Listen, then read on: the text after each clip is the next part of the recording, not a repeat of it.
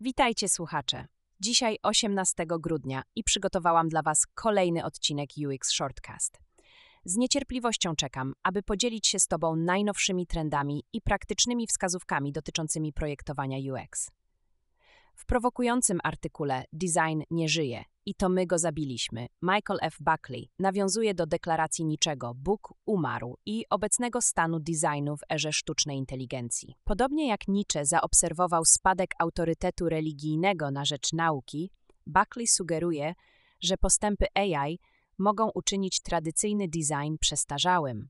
Zastanawia się nad rolą designu jako rozwiązującego problemy i komunikatora niezbędnego w naszych codziennych doświadczeniach i tkance kulturowej. Jednakże z potencjałem AI do przejęcia steru, Buckley prowokuje nas do zastanowienia się nad przyszłością designu i jego ludzką istotą. W artykule numer 2 zatytułowanym Jak programista powinien czytać Web Content Accessibility Guidelines, Daniel Berryhill oferuje praktyczny przewodnik dla programistów, którzy próbują odnaleźć się w wytycznych dostępności treści internetowych. Współczując początkowymi frustracjami przy ich czytaniu, zauważając, że jest to materiał abstrakcyjny i brakuje w nim prostych przykładów, co może być zniechęcające w porównaniu z nauką języków programowania. Berryhill sugeruje, by programiści podchodzili do wytycznych nie jako do linearnego dokumentu, lecz jako do zasobu skoncentrowanego na zasadach.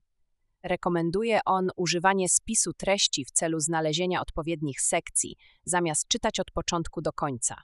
Koncentrując się na najbardziej istotnych częściach jako pierwszych, programiści mogą budować solidną podstawę do zrozumienia i efektywnego wdrażania dostępności stron internetowych. Sposób podejścia Berryhilla jest podobny do bezpośredniego zanurzenia się w tworzenie strony internetowej, zamiast zatrzymywania się na historii i technicznych aspektach internetu. Jego rada ma na celu uczynienie procesu uczenia się bardziej przystępnym i skłaniającym do działania dla tych, którzy są pasjonatami doświadczeń użytkowników. W artykule numer 3, zatytułowanym Wnioski z badań nie są tym, co myślisz, David Tang zagłębia się w zawiłości tego, co stanowi wgląd badawczy.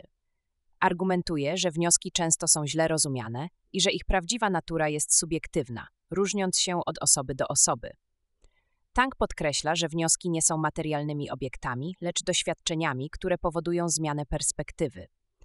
Sugeruje, że tworzenie wniosków wymaga zrozumienia wiedzy Twojej publiczności i stworzenia narracji, która z nią rezonuje, prowadząc do świadomych decyzji w organizacji.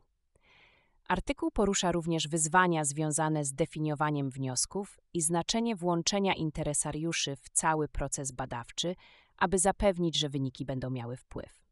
Tank kończy, uznając, że nawet najgłębsze wnioski nie mogą prowadzić do natychmiastowych zmian z powodu czynników zewnętrznych, przypominając nam, że wartość wniosków leży w kierowaniu decyzjami a nie w ich dyktowaniu.